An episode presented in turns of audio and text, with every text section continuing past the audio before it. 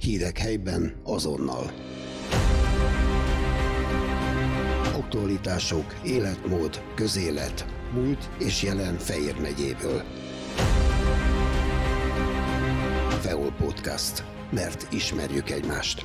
A Dunai városhoz sok szállal kötődő Balog Máté kapta az év komoly zenei műve kategóriában. Az Artisius Dia Sinfonia numero 1 című alkotásáért, és hát meglehetősen gazdag pálya van Máté mögött és Máté előtt, bár, ha jól számolom, akkor még csak 32 esztendős, és hamarosan Krisztusi korba lép, és itt van velünk a vonal másik végén. Máté, nagyon szépen köszönöm, hogy a rendelkezésünkre állsz, és nagy tisztelettel gratulálunk az újabb elismeréshez, amely hát felkerül a polcra a többi mellé, mert hogy Erkel Ferenc díjas és Junior Prima díjas zeneszerző is vagy.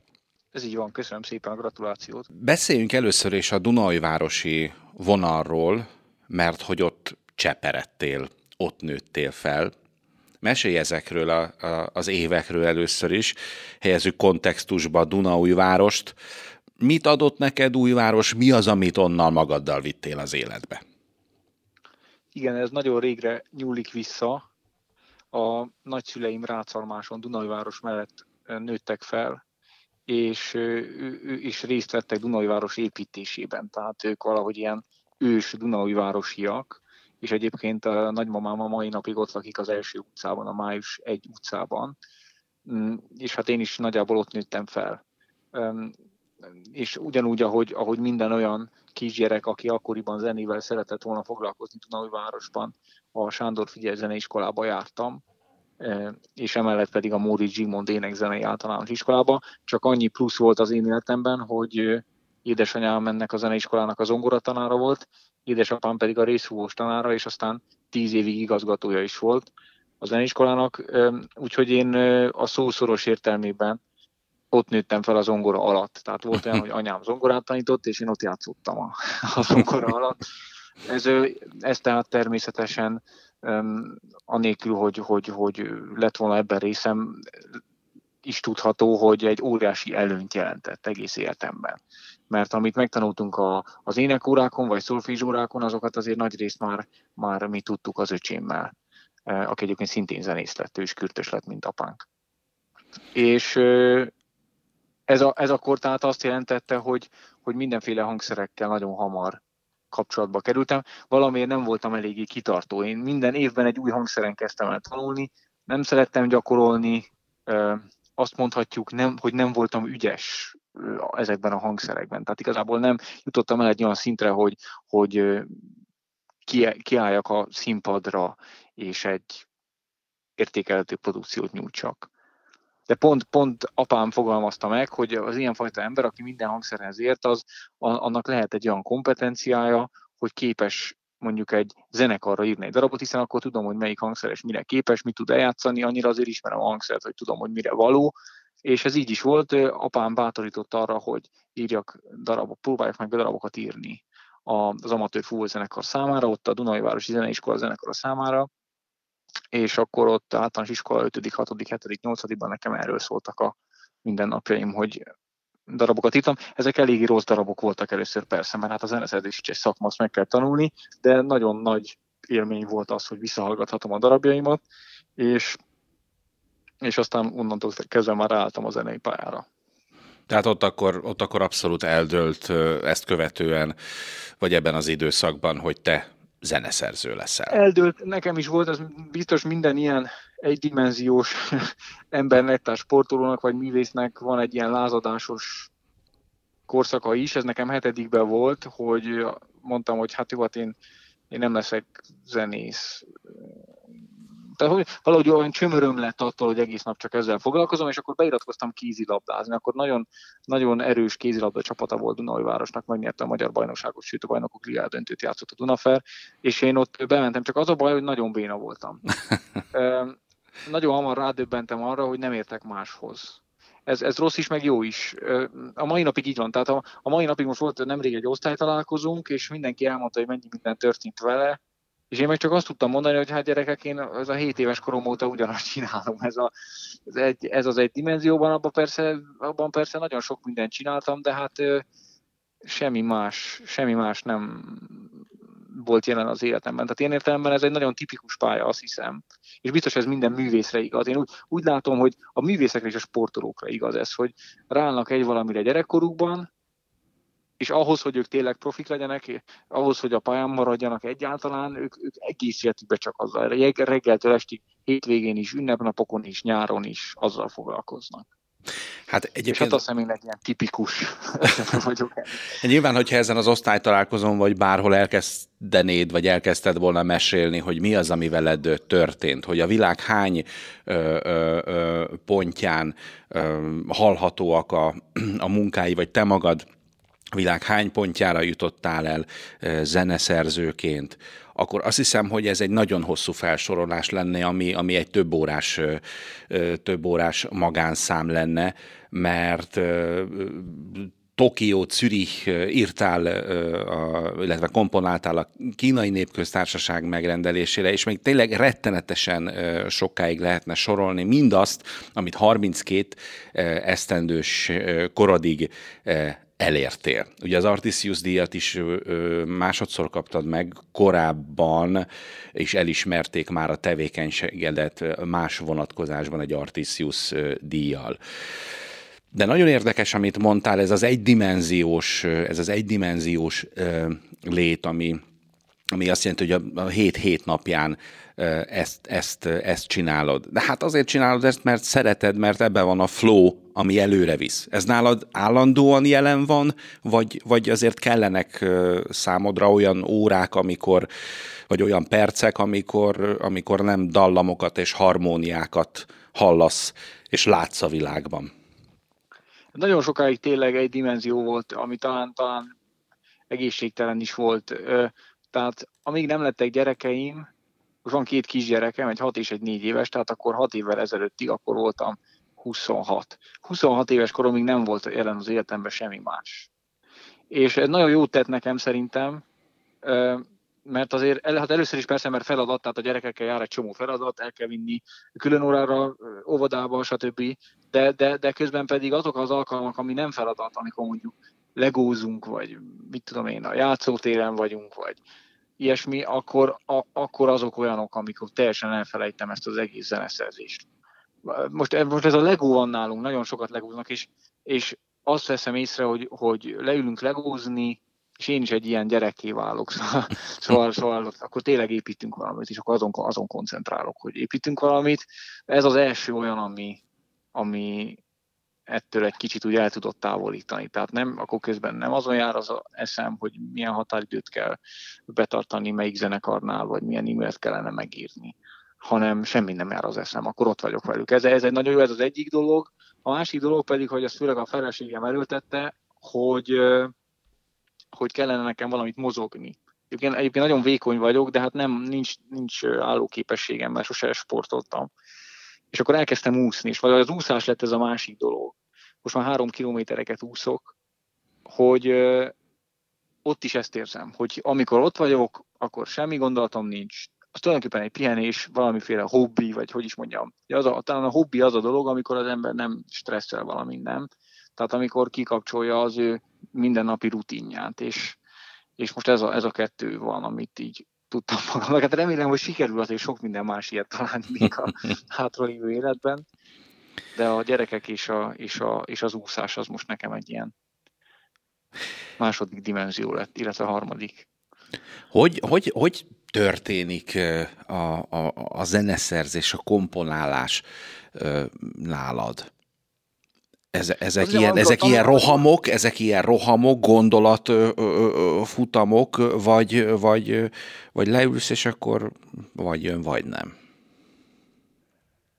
Hát ez persze ez, ez helyzete válogatja. Ugye minél inkább az ember benne van a pályában, annál több felkérése van, akkor annál kevesebb lehetősége van, hogy mondjam, szabadnak lenni. Tehát mondjuk amikor iskolába jártam, mondjuk a zeneakadémiára jártam, akkor azért ott azt csináltunk, amit akartunk. írni kellett egy darabot, és azt írtam, amit akartam. Olyan hosszan írtam, amilyen hosszan akartam. Az volt a téma, amit én akartam. Az volt a címe, amit én akartam.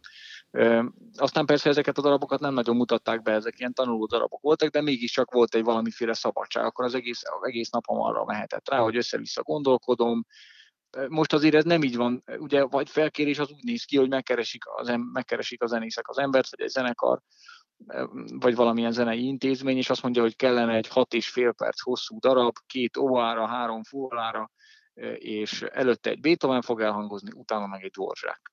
Tehát ez egy nagyon pontos dolog. Ott, ott, ott, ott a komponálás is úgy, úgy adódik, hogy akkor leülök, meghallgatom ezt a két darabot, van egy ilyen felkészülési periódus, és utána pedig elkezdi az ember farigcsálni. Azt hiszem, nagyon sok komponistával beszéltem, és nagyon sokat olvastam is erről, hogy a Beethoven és a, és a Bruckner ezt hogy csinálták, és azért a zeneszerzésnek a legnagyobb része az farigcsálás, tehát próbálkozás.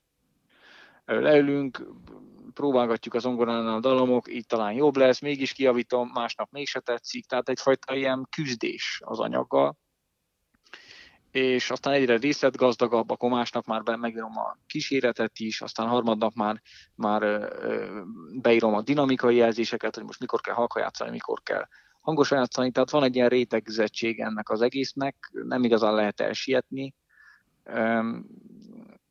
Valaminek a kere, azt hiszem a komponálás az valaminek a keresése. Egyszer Jenei Zoltán, aki a tanárom volt, a, a szobrászathoz hasonlította. Tehát úgy néz ki, hogy először van egy márványtömb, és akkor egyre inkább lefejtjük róla, és keresgéljük a márványtömbben azt az alakot, ami egyre részletgazdagabb. És emiatt egyébként nehéz is rámondani, hogy mikor van kész. Nagyon sokszor nehéz azt mondom, hogy na most már kész van. De akkor másnap úgy érzem, hogy hát talán azt a részt mégis ki kéne még javítani. Sokszor a bemutató után érzem ezt, az a szerencsétlenebb helyzet, amikor elhangzott a mű, és utána érzem, hogy hát az még soha jól sikerült az a rész. Mit gondolsz, te magad kész vagy? Nem, dehogy, á nem egy, én, én, én, mindig azt mondom, hogy én gyerek. Ez mondtad ezt, hogy 32 éves, szóval én úgy érzem, hogy én egy, és jó is, hogy mondtad, hogy egy gyerek vagyok. Tehát mindig ez, ez az érzésem van. Hm. A Stravinsky azt mondta persze, hát a nyugdíjas korában is ezt mondta, hogy még most tanul, most tanulja a szakmát. Kitől tanult? Nem, mert hogyha valamit, igen? valamit megtaláltam volna, vagy hogyha valamiben biztos lennék, vagy azt mondanám, hogy igen, én egy Beethoven vagyok, akkor meg minek, minek csinálnám, szóval akkor minek írnék még egy darabot. De egyébként uh, ezek a díjak, ezek az elismerések mit jelentenek számodra? Ezek azért nyilvánvaló visszaigazolások. De felvetődik a kérdés, hogy mi az igazi visszaigazolás Balog Máté zeneszerző számára? Igen, ez, ez nagyon nehéz kérdés. Nyilván nem tagadom azt, hogy nagyon örülök egy ilyen díjnak, szóval nyilván mindenki örül, hogyha megveregetik a vállát, ez egy, ez egy válveregetés. Főleg, hogyha ugye, mint például mondjuk az Artisius díj, egy szakmai díj, az azt jelenti, hogy a kollégák ismernek el, az, az, az, az, az sokkal, az egy nagyobb válveregedés, mert akkor az azt jelenti, hogy én a C tagja vagyok, stb. Én, én kollega vagyok, én, én egy vagyok közülük, ez, ez jól esik az embernek, de, de ez nem jut eszembe, tehát amikor én így komponálok, akkor a darabon gondolkodom. Az egy szakma, az, az meg kell jól csinálni.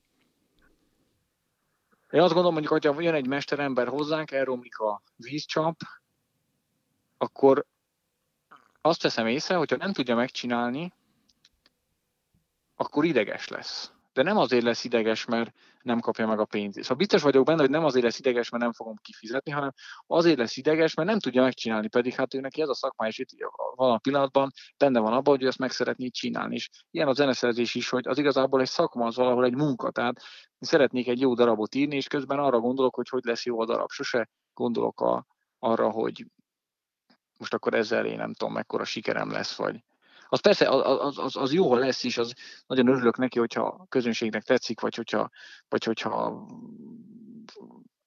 valamit sikerült elérnem, amit szerettem volna hatásban, vagy, vagy, vagy érzelemben, vagy nem tudom miben, de, de erre egyszerűen nem gondolok komponálás közben.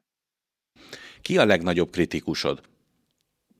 A feleségem a legnagyobb kritikusom, és az az igazság, hogy hogy még interjúban is, tehát majd ezt is biztos vissza fog hallgatni, és akkor is elmondja, hogy milyen hülyeségeket mondtam. De amióta a feleségemmel vagyok, egyébként változott is a zeném. egy kicsit úgy konszolidálódott. Szóval nekem nagyon fontos volt a Zeneakadémia alatt, hogy nagyon újító legyek, modern legyek, avantgárd legyek, forradalmi legyek. Ezek voltak a fontosak. És és aztán amióta vele vagyok, ő, ő, ő azóta, azóta ez konszolidálódott, mert ő meg mindig mondta, hogy hát most ennek most mi értelme volt, most csak azért ütöttek rá arra a gongra, mert hogy hú, de kortárs, semmi értelme nem volt, hogy ráütöttek egy gongra. És egy olyan praktikus dolog. A feleségem is egyébként muzsikus, csellóművész, szóval belelát a dolgokba, és nagyon, nagyon kritikus tud velem lenni.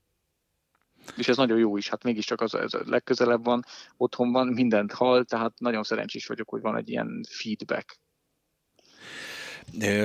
ő gyakorta játszik abban a, abban a ö, zenekarban, abban a körben, aki, a, amely, amely előadja a, a művedet, műveidet?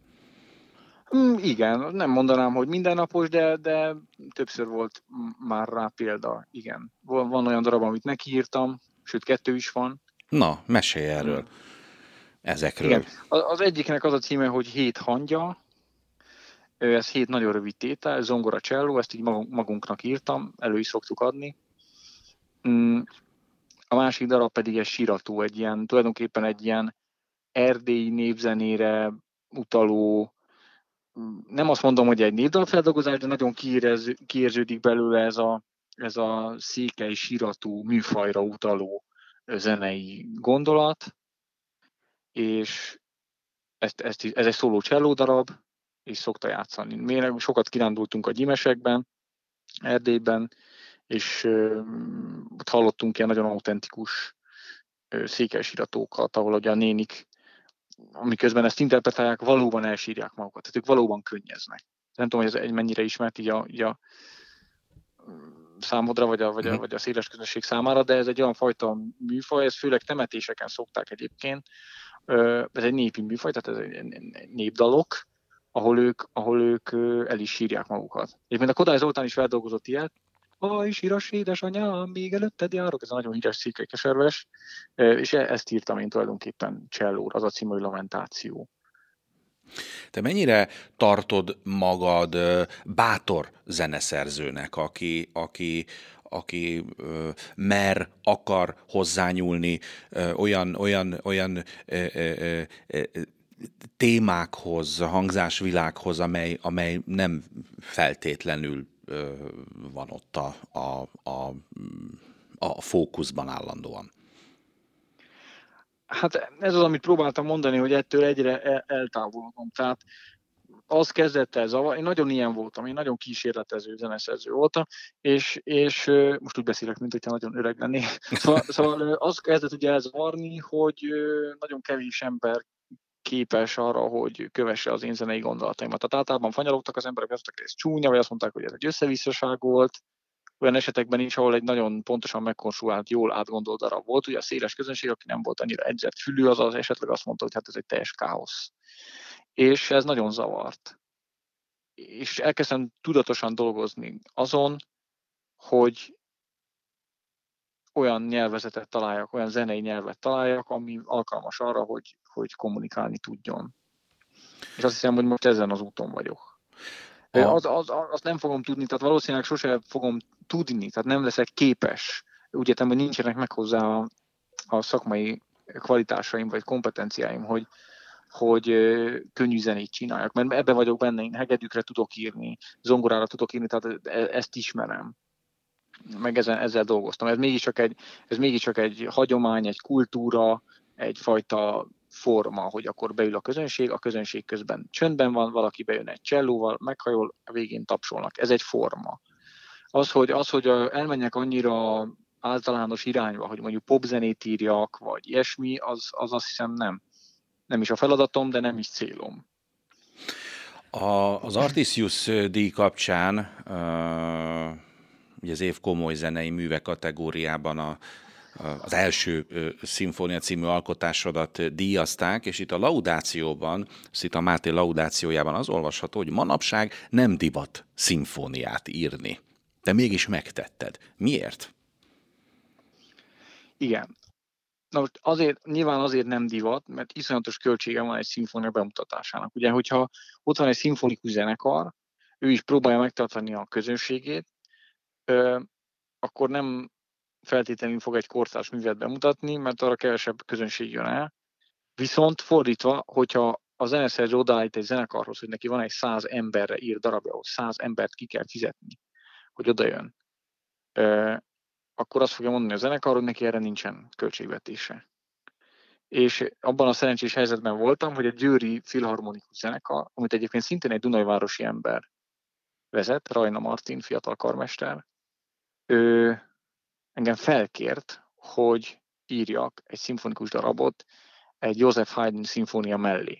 De most az előbb is jeleztem, hogy tehát manapság úgy vannak a felkérések, hogy a pontos program is megvan, hogy emellé a darab mellé. Ez azért fontos, mert annak a darabnak van egy hangulata, a dramaturgiája, tehát nem mindegy, hogy te miért írsz. Mert a koncert lesz egy csomag, ami az, az az élmény, az a koncert lesz, és hogyha mondjuk a Haydn szimfónia nagyon gyors, nagyon hangos, akkor a másik darab ne legyen nagyon gyors, nagyon hangos, mert akkor már kisül az ember füle, stb. Na most, és akkor én erre írtam ezt a szimfóniámat, tehát egy Haydn szimfónia mellé. És a másik dolog a szimfóniával, hogy azért az egy anakronisztikus, konzervatív dolog. A szimfóniákat a 18.-19. században írták, a 20. században már nagyon kevesen. A Bartók Kossuth szimfónia az egy nagyon korai műve, talán a Shostakovich volt a, a szovjet zeneszerző a, az egyetlen, aki igazán ezt a szimfóniát tovább vitte a 20. században, ő 15-öt is írt belőle. A szimfónia sok időt vesz igénybe, sok időt vesz igénybe a betanulása is, egy nagyon nagy forma, és, és én ezzel eltöltöttem egy fél évet, és, és nem bántam meg. És azt gondolom egyébként, ezt mondtam ott az Artisius diátadón is a köszönőbeszédben, hogy nem csak a szimfóniámat díjazták ezzel, vagy engem, hanem ezt a gesztust. Tehát a gesztust, hogy valaki írt egy mhm. szimfóniát, és azt akarta erre mondani a zeneszerző közösség, hogy hát igen, ez egy valid műfaj, és hogy milyen jó, hogy még ma is születnek szimfóniák. Hogyha megengeded, akkor, akkor mondanék neked egy hírt, nagyon kíváncsi vagyok a, a véleményedre. No. Új Beatles szám készül mesterséges intelligencia segítségével. E, igen. Hát Mit szólsz ez, ehhez? Mit szólsz ehhez zeneszerzőként? Hát ha most még van három órát, hogy ezt elmondjam. E, figyelj, én a Magyar Zeneszerzők Egyesület elnöke vagyok, és nagyon sok ilyen konferencián voltam az elmúlt évben, ahol ez a, ezt a problémát célozták meg. Ez, ez még egy, ennél is nagyobb probléma. Tehát az nem baj, hogy írt egy, egy Beatles számot, valószínűleg ugyanolyan jó, mint a Beatles, ugyanis a Schubert befejezetlen szimfóniát is befejezte egy kínai mesterséges intelligencia, és kísértetiesen hasonlít a stílus a Schuberthez, tehát még tényleg nagyon ijesztő. De ez csak az egyik probléma. Az igazi probléma az, hogy ahogyan a zeneszerzőket kifizetik, ugye a jogdíjrendszerben, tehát hogy ahány perc darabod ment a nyilvánosságban, uh-huh. osztva vagy szorozva a közönség számával annyi pénzt fogsz kapni. Ez nagyon torzul a mesterséges intelligencia miatt, mert nem csak zeneszerzőként jelenik meg a mesterséges intelligencia, hanem zenehallgatóként is. A Spotify uh-huh. tavalyi hallgatottsági listának első tíz helyezettje az azért lett helyezett, mert 80-90 százalékos hallgatottsága az mesterséges intelligencia volt. Tehát az algoritmus hallgatta a Spotify-t párhuzamosan sok fiókon keresztül. És ez nagyon torzította a piacot. Tehát igazából ma nem nagyon lehet azt sem megmondani, hogy mondjuk egy, egy YouTube videónál lévő tekintés szám az, azok emberek voltak-e, vagy, vagy csak számítógépek voltak. És ez, ez, ez nagyon nehézé teszi azt, hogy a mindenféle zenei szereplők, például zeneszerző, előadóművész, vagy akár egy kiadó, egy zenekiadó a piaci versenyben, hát hogy is mondjam, fair módon részt vegyen. Úgyhogy ez mindenképpen szabályoz, ez egyszerűen nincs szabályozva, erre egyelőre nincsen törvény. Nagyon sok mindenre nincsen törvény, amikkel az elektromos rollereknek sincsen, sincsen eléggé szabályozva szerintem, nagyon idegesítő, mikor a Szentendrei úton a belső sávban megy az elektromos roller 25-tel. De, de ez, ez, is egy óriási probléma, és ez a zeneszerzőknek most nagyon nehéz időszak emiatt. Egy csomó jogdíja a zeneszerzőnek nagyon kevés mert a befizetett jogdíjak után részesedést a mesterséges intelligenciák, illetve azok a programozók, akik ezeket az intelligenciákat írják, kapják meg. Úgyhogy ez most egy ilyen nagy harc, nagy harc ez most. Igen, hát nagyon-nagyon sok kérdést felvet a mesterséges intelligencia használata. Ki tudja, hogy hová, hová jutunk majd a számítógépek segítségével. Alapvetően jó is a folyamat, meg hát, hogy te is fogalmaztál, azért vannak ennek nem túl áldásos oldala is. De visszatér... Igen, de a jogi, a jogi hát, tehát ha ez egyszer tisztázva lesz, akkor ez meg lesz oldva. Én, én szerintem ezt nem, én nem tartozom azok közé, akik ettől félnek, vagy, vagy ilyesmi, hanem, hanem csak ezt egyszerűen kell szabályozni. A, az, elekt, a, az önvezető autót is kell szabályozni, meg az elektromos rollet is kell. Voltak régen, nem tudom, ez vidéken volt-e Budapesten ezek a sörbiciklik, hogy így uh-huh, sörözni igen. lehetett, és akkor közben tekerik, azt is, azt is szabályozták, és azóta kevés a baleset. Szóval szerintem ez így van, hogyha valaki azt mondja az Európai Unióban, nem tudom hol, hogy, hogy a mesterséges intelligencia az nem kaphat pénzt azért, mert ő, ő, ő részt vesz a nem tudom, tehát nem kaphatsz pénzt a mesterséges intelligencia, mint szerző, mint alkotó. Ha ezt valaki egyszer kimondja, az nagyon jó lenne, és akkor megoldódna ez a probléma.